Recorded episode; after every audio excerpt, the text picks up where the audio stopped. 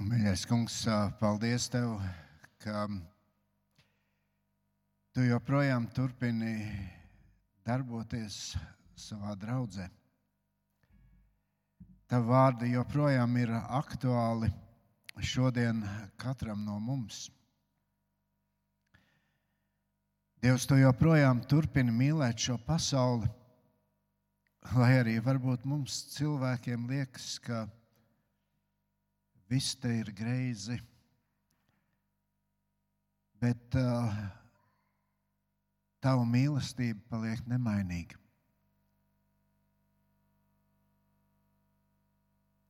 Un Dievs, es gribu lūgt, lai šodien, pārdomājot tavu vārdu, mēs katrs atkal no jauna spētu piedzīvot, sajust tā līdz sirds dziļumiem, ka tava mīlestība ir tik liela un tava žēlastība ir neizsakāma. Jā, Dievs svētī savu vārdu, ko šodien varēsim pārdomāt, lietot mani šajā dienā, lai viss ir tavam godam. Amen. Lūdzu, sēdieties! Es uh, gribu šodien kopā ar jums atgriezties pie Mateja evaņģēlīja un vēlos uh, nolasīt no 16. nodaļas, uh, 16. nodaļas beigas, sākot ar 21. pantu līdz 28. Mateja evaņģēlijas 16. nodaļa, no 21 līdz 28. No tā laika Jēzus iesāka saviem mācekļiem rādīt, ka viņam vajagot noiet uz Jeruzalemi un daudz ciest no vecajiem un augstiem priesteriem un rakstu mācītājiem, un tikt nokautam un trešā dienā augšām celties. Un Pēteris ņēma viņu saurupu un iesāka viņu brīdināt, sacinā, sacīdams, lai Dievs pasargā kungs ka tev tas nenotiek. Bet viņš atgriezdamies sacīja uz Pēteri: Atkāpies no manis, Sātan! Tu man esi par apgrēcību, jo tu nedomā, kas dievam, bet kas cilvēkam patīk. Tad Jēzus sacīja uz saviem mācekļiem: Ja kas grib man sekot, tam būs sevi aizliegt ņemt savu krustu un sekot man. Jo kas grib izglābt savu dzīvību, tas to zaudēs. Un kas savu dzīvību zaudē manas dēļ, tas to mantos. Jo ko tas cilvēkam palīdz? Ka tas iemanto visu pasauli, bet tam zūd dvēsele. Jebko cilvēks var dot par savas dvēseles atpirkšanu. Jo cilvēka dēls nāks savā tēva godībā ar saviem eņģeļiem, un tad viņš ik katram atmaksās pēc viņu darbiem. Patiesi es jums saku, dažiem no tiem, kas šeit stāv, daži no tiem, kas šeit stāv, nāvi nebaudīs. Iekams tie neredzēs cilvēka dēlu nākam savā valstībā. Mēs uh, Pēc divām nedēļām svinēsim Kristus augšām celšanās svētkus. Nākošajā nedēļā ir pūpoļu svētdiena, jeb palmu svētdiena. Un tad jau sākas šī ciešana nedēļa. Un, es domāju, ka ja mēs tā patiesi mīlam Kristu, tad šis ir tāds īpašs laiks arī katra kristieša dzīvēm kur mēs no jauna atkal izdzīvojam, līdzdzīvojam tam, ko Dievs caur Jēzu Kristu mūsu dēļ ir darījis. Un šodienas teksts, ko es tikko nolasīju, runā par to, kas ir ielikts arī šīs svētdienas virsrakstā. Runā par svētību un runā par apgrēcību. Un tā jau tas ir, ka mēs arī savstarpējās cilvēka attiecībās mēs jau varam būt viens otram kā tādi, kas iedrošinam, kas ceļam, kas svētījam. Bet varam būt arī tādi, kas varbūt otru cilvēku pagrūžam, kas varbūt otram cilvēkam uh, izdara visu, lai tik viņš sliktāk justos. Un uh, galu galā mēs varam būt otram cilvēkam arī par apgrēcību. Ja mēs tā skatāmies uh, šodien uz katrs mēģinātu ieskatīties savā dzīvē, tad droši vien mēs vispirms atcerētos cilvēkus, kuri mūsu dzīvē ir bijuši par tādu svētību, kuri mums ir bijuši par lielu atbalstu, par uh, cilvēkiem, kas mūs ir centušies celt, nevis gremdēt. Un tie ir cilvēki, kas daudzējādā ziņā mums ir palīdzējuši ieraudzīt tos dzīves mērķus, kas uh, ir centušies ievirzīt mūs tādā pareizā dzīves ceļā, kas mums ir uh, ļoti daudz ko iemācījuši. Un uh, bieži vien tad arī, kad mēs ieraugām šo cilvēkus, šos cilvēkus, tad mūsu secinājums ir, paldies Dievam, ka šie cilvēki uh, mūsu dzīves ceļi sastapās Nezinu, kur mēs būtu, ja mums līdzās nebūtu šie cilvēki. Jā, par da, mums daudziem par lielu svētību ir bijuši mūsu vecāki. Man šajās dienās īpaši par to jādomā, un, un uh, paiet seši gadi, kopš mūžībā aizsauc man tēti. Es domāju, es nedomāju uh, tik daudz uh, tās to mīlestību, tās rūpes, to audzināšanu, ko mēs saņemam no uh, sa saviem uh, vecākiem. Bet es vairāk domāju par to dzīves aicinājumu, kur mēs uh, bērni varam vērot, kā vecāki strādā, kā viņi veido savu dzīvi Jā, kā viņi arī uzticas Dievam. Un bieži vien notiek tā, kur ir šī īpašā vecāka svētība, tur arī bērni vēlas vecākiem līdzināties, bērni vēlas iet vecāku pēdās. Nevis kaut kā piespiesti, nu tev tas ir jāturpina, citādi nemaz nevar būt. Bet tas ir veidojās kaut kā pats no sevis, tā automātiski. Mēs šodien daudz dzirdam par, uh, tur ir ārsti, tur ir juristi, tur ir uh, dažādu citu praviešu, uh, profesiju dinastijas izveidojušās, kur tas iet no paudzes uz paudzi. Protams, arī uh, lielu svētību un lielu ietekmi uz turpmāko dzīvi var dot arī labs skolotājs, ar ko tu sastopies, kad tu mācies. Cilvēks, kurš var tevi ieinteresēt, kurš var tevi aizraut, kurš ir autoritāte skolnieka acīs. Varbūt Šodien šajos apstākļos mēs nevienmēr tik bieži ar to sastopamies. Ja skolotājiem izdodas ne tikai iemācīt šo mācību vielu, bet arī veidot šo, šī bērna skatījumu uz dzīvi,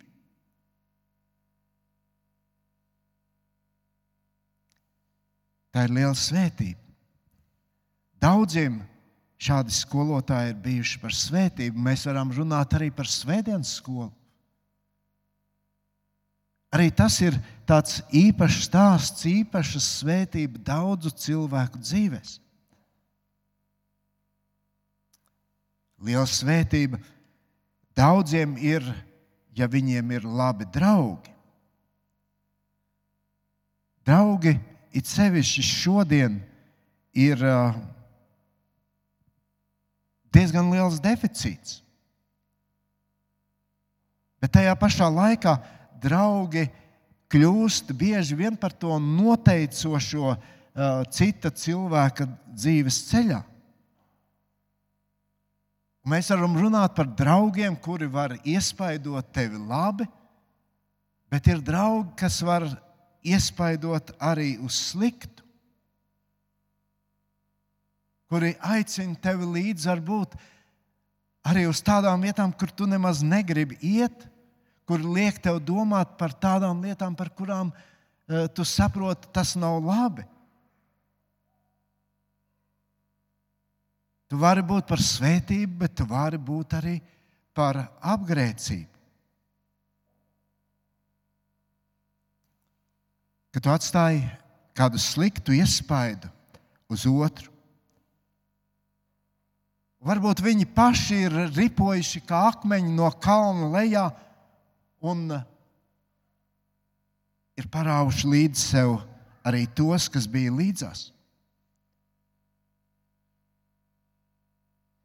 Ja nebūtu bijusi slikta ietekme no draugu puses, tad noteikti daudzi šodien nebūtu nonākuši tur, kur viņi ir. Daudzi nebūtu sākuši lietot narkotikas, nebūtu sākuši lietot alkoholu, nebūtu nonākuši cietumos, ja nebūtu līdzās draugi. Kur viņi, kur, kur viņi ir parauši līdz savus draugus. Un apostols Pāvils raksta, ka slikta sabiedrība samaitā labus tikumus. Ivars ievadā lasīja 26. psalmu. Un tur psalmists saka, es nesēžu izsmējēju pulkā, es nepinos ar bezgožiem un viltniekiem. Mēs ietekmējam viens otru dzīvi. Un tad nu, ir ļoti svarīgi šad un tad tā apstāties un padomāt, kādiem cilvēkiem ir bijusi tā galvenā ietekme mūsu dzīvē. Ir labi, ka mēs pateicamies, atceramies un pateicamies Dievam par tiem, kuri mūs ir virzījuši uz, ko, uz kaut ko labu.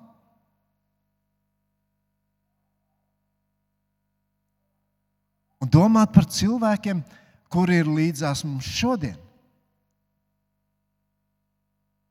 un domāt par to, vai šie cilvēki mūs ceļ,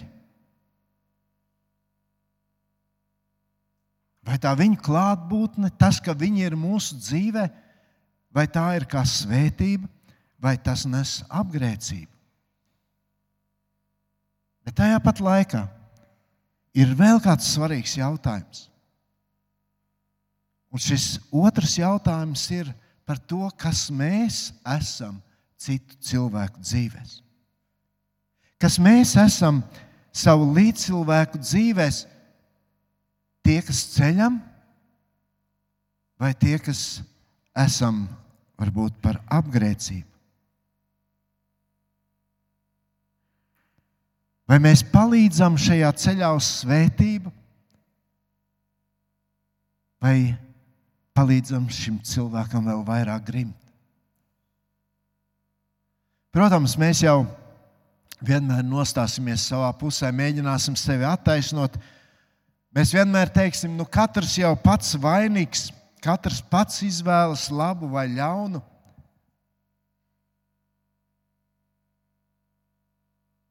Bieži vien jau tā atruna ir, nu es jau ne viņam nespiedu, uh, to alkoholu lietot, es jau nespiedu uh, lietot narkotikas, es nespiedu viņu uh, spēlēt azartspēles. Es nespiedu viņu ņemt rokā ieroci un uh, nošaut vai kaut ko citu izdarīt. Katrs pats izvēlas savu dzīves ceļu. Bieži vien mēs esam tie, par ko mēs Bībelē lasām, vai tad es un sakam, vai tad es varu būt sava brāļa sargs. Es taču nevaru atbildēt par otru cilvēku. Bet jautājums ir par to, kas tu esi viņa dzīvē. Vai tas, kas nes viņa dzīvē svētību, vai tas, kas viņu pagrūž vēl dziļāk, vai tas, kas ir viņam par apgrēcību.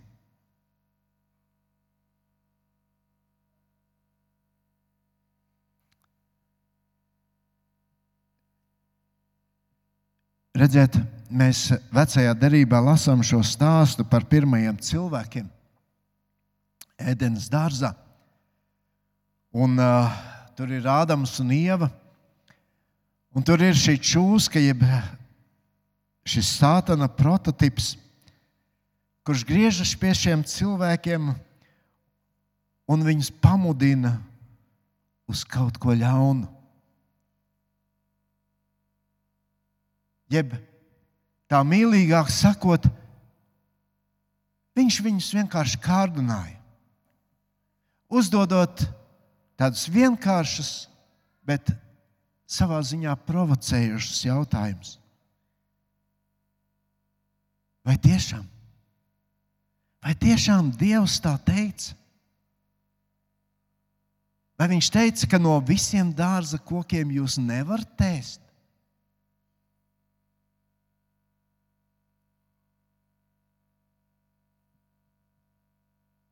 Un bieži vien tas ir, tā, tā ir tā lielā, tas lielākais klupšanas akmens. Kad mēs eh, cenšamies uzdot šo vienkāršo jautājumu un sakot, vai tiešām tas tā ir? Gan jau Dievs pievērs acis, gan jau kaut kā mēs tiksim beig, beigās galā. Un tāpēc tas jautājums vienmēr ir, ko mums darīt, kā rīkoties, lai būtu otram par celšanu, lai būtu otram par svētību. Ziniet, tas jau vien būtu, tā jau vien būtu liela svētība. Ja mēs par to vairāk domātu, ja mēs no sirds censtos dzīvot savu dzīvi, lai otru cilvēku celtu.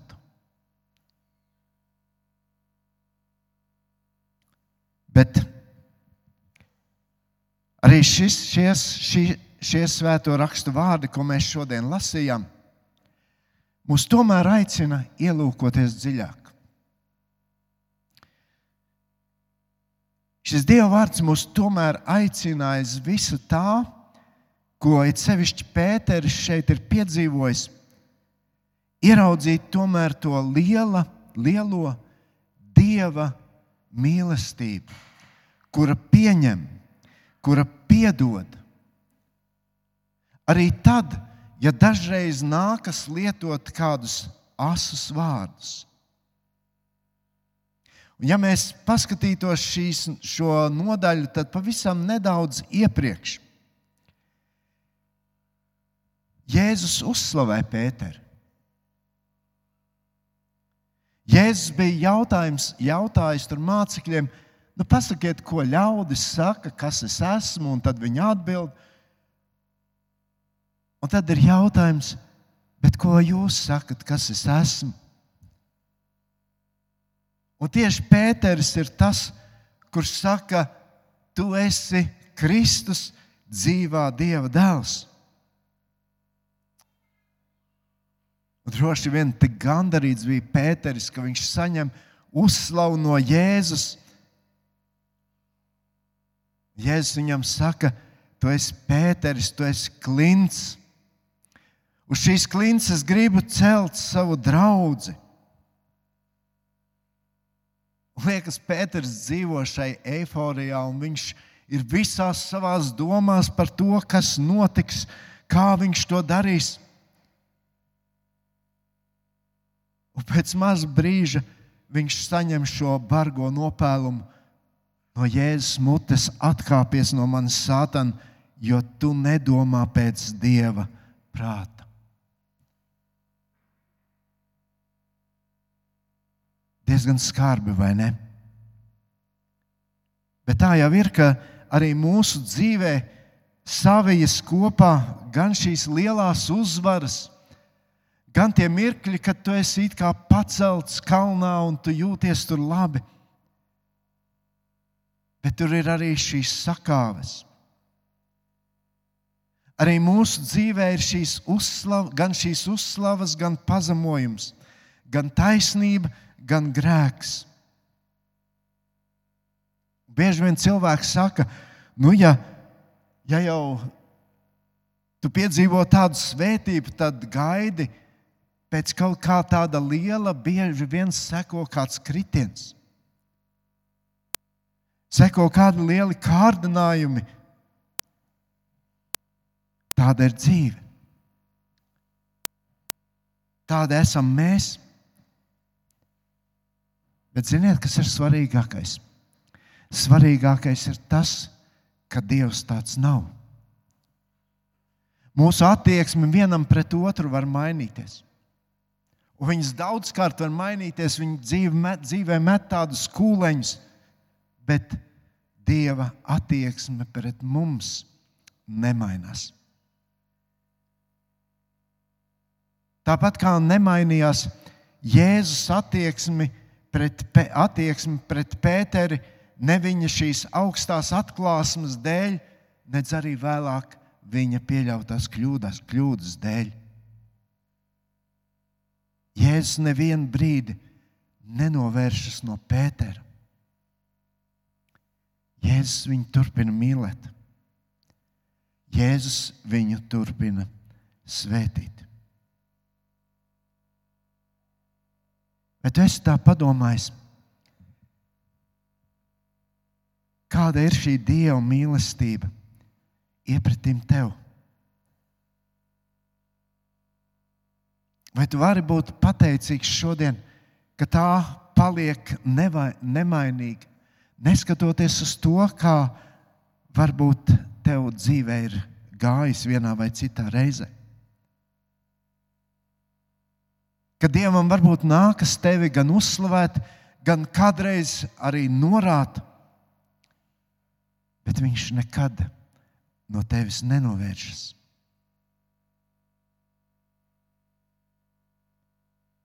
Kādēļ, kādēļ Jēzus tā sacīja Pēterim? Atkāpies no manis, Sātan.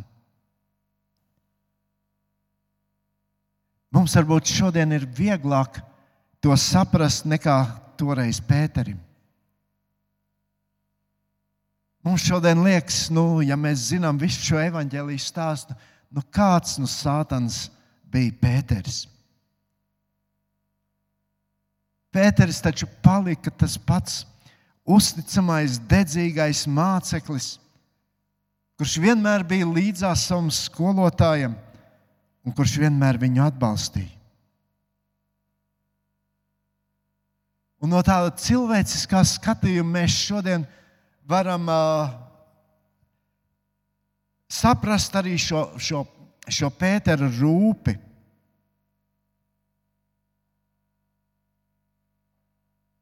Par savu skolotāju, par Jēzu.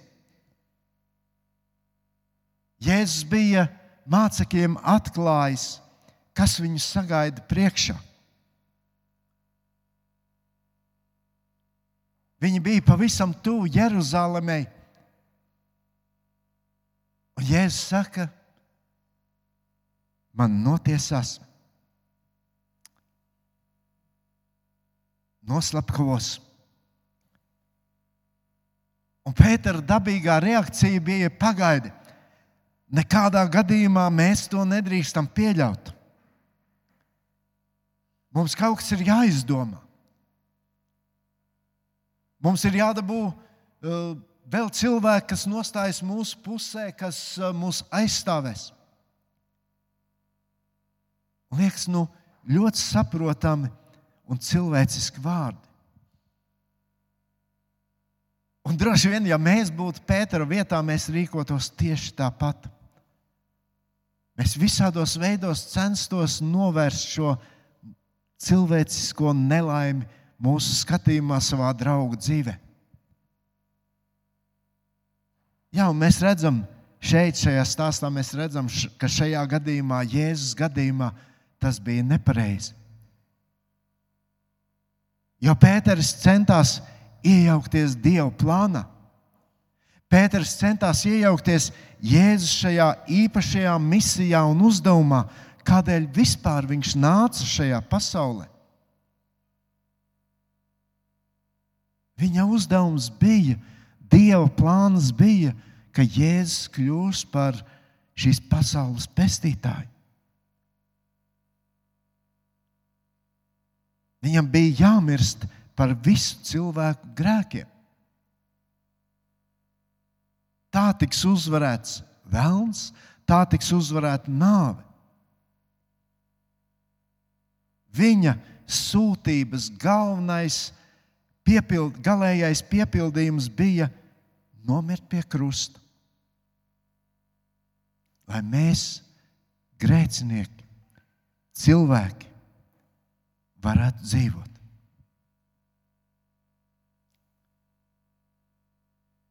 Jēzus vēl dzīvoja laikā, kur bija šī jūdu tradīcija, jūdam, un viņiem pastāvēja daudzu gadsimtu upurēšanas tradīcija. Tas bija tas, ko pats Dievs bija pavēlējis darīt. Tur tika upurēti dzīvnieki, putni. Visam bija viens mērķis - likt cilvēkiem saprast, ka grēka alga ir nāve.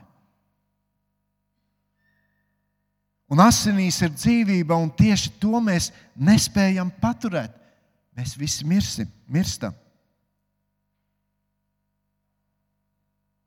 Savu grēku dēļ, gan iedzimto, gan paveikto grēku dēļ, mēs mirstam gluži kā upuru dzīvnieks uz altāra. Bet tajā pat laikā visi vecās derības upuri bija norādījums uz kādu pilnīgu upuri.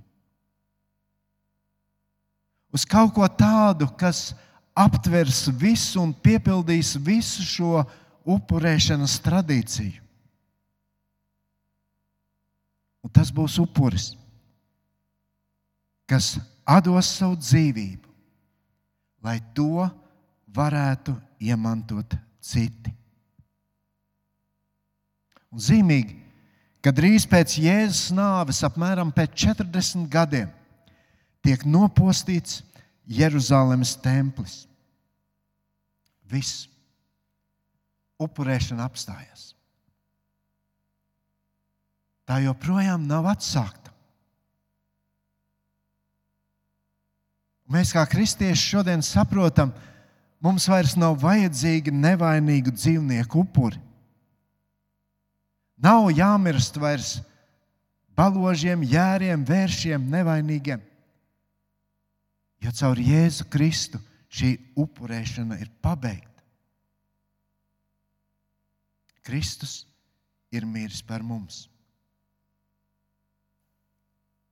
Viņa asins nomazgā visus grēkus,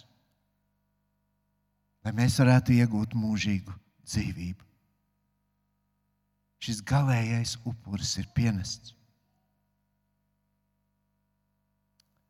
Ja Jēzus būtu paklausījis Pēterim, ja viņš būtu aizbēdzis no šīs krusta nāves, tad nebūtu pienests arī šis upuris grēku izpirkšanai tad arī visi šie vecās derības upuri kļūtu bezjēdzīgi.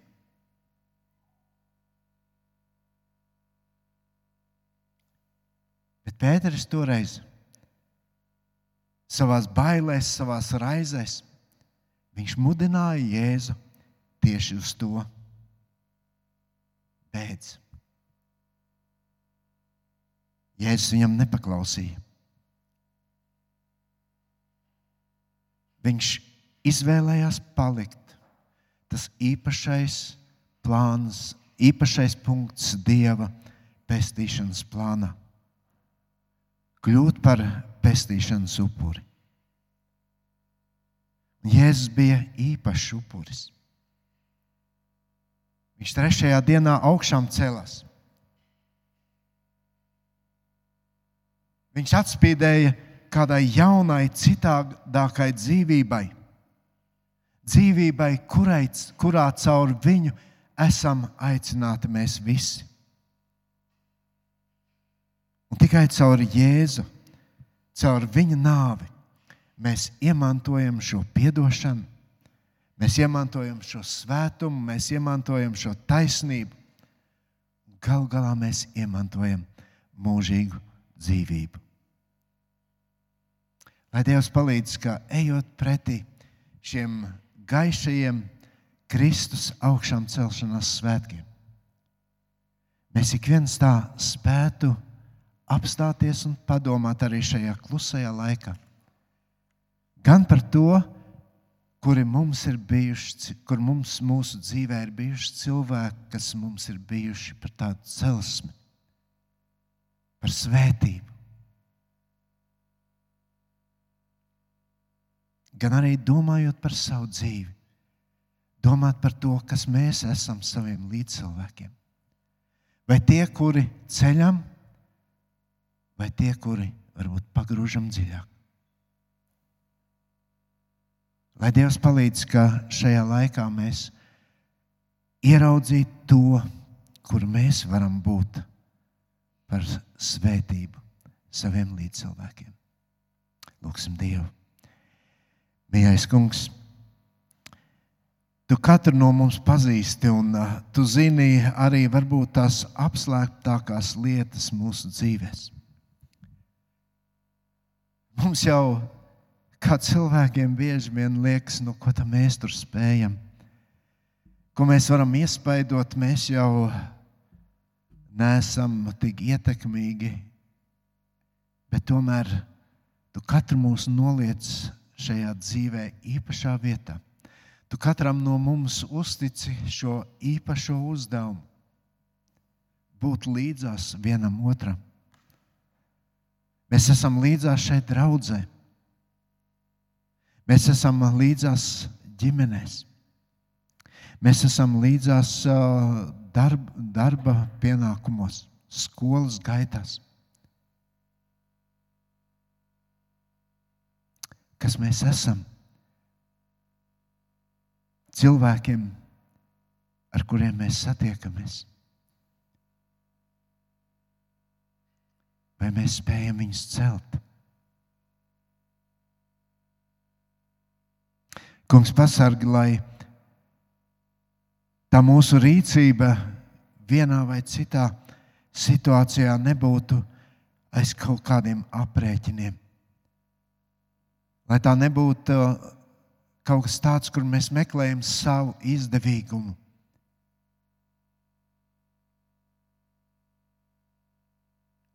Bet Dievs, lai mūsos vienmēr būtu šīs patiesās rūpes. Pateicoties tam, ko tu mūsu dzīvēs darīsi, ar savu dzīvi, ar saviem vārdiem, ar savu rīcību vienā vai citā situācijā,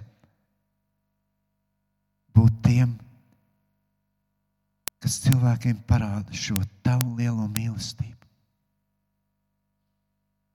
To kādēļ tu vispār nāci Kristu šajā pasaulē.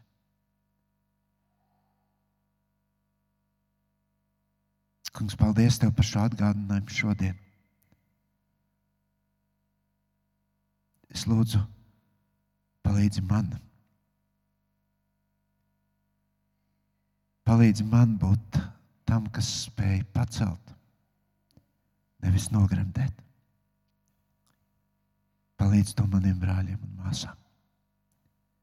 Tavā vārdā es to lūdzu. Amen.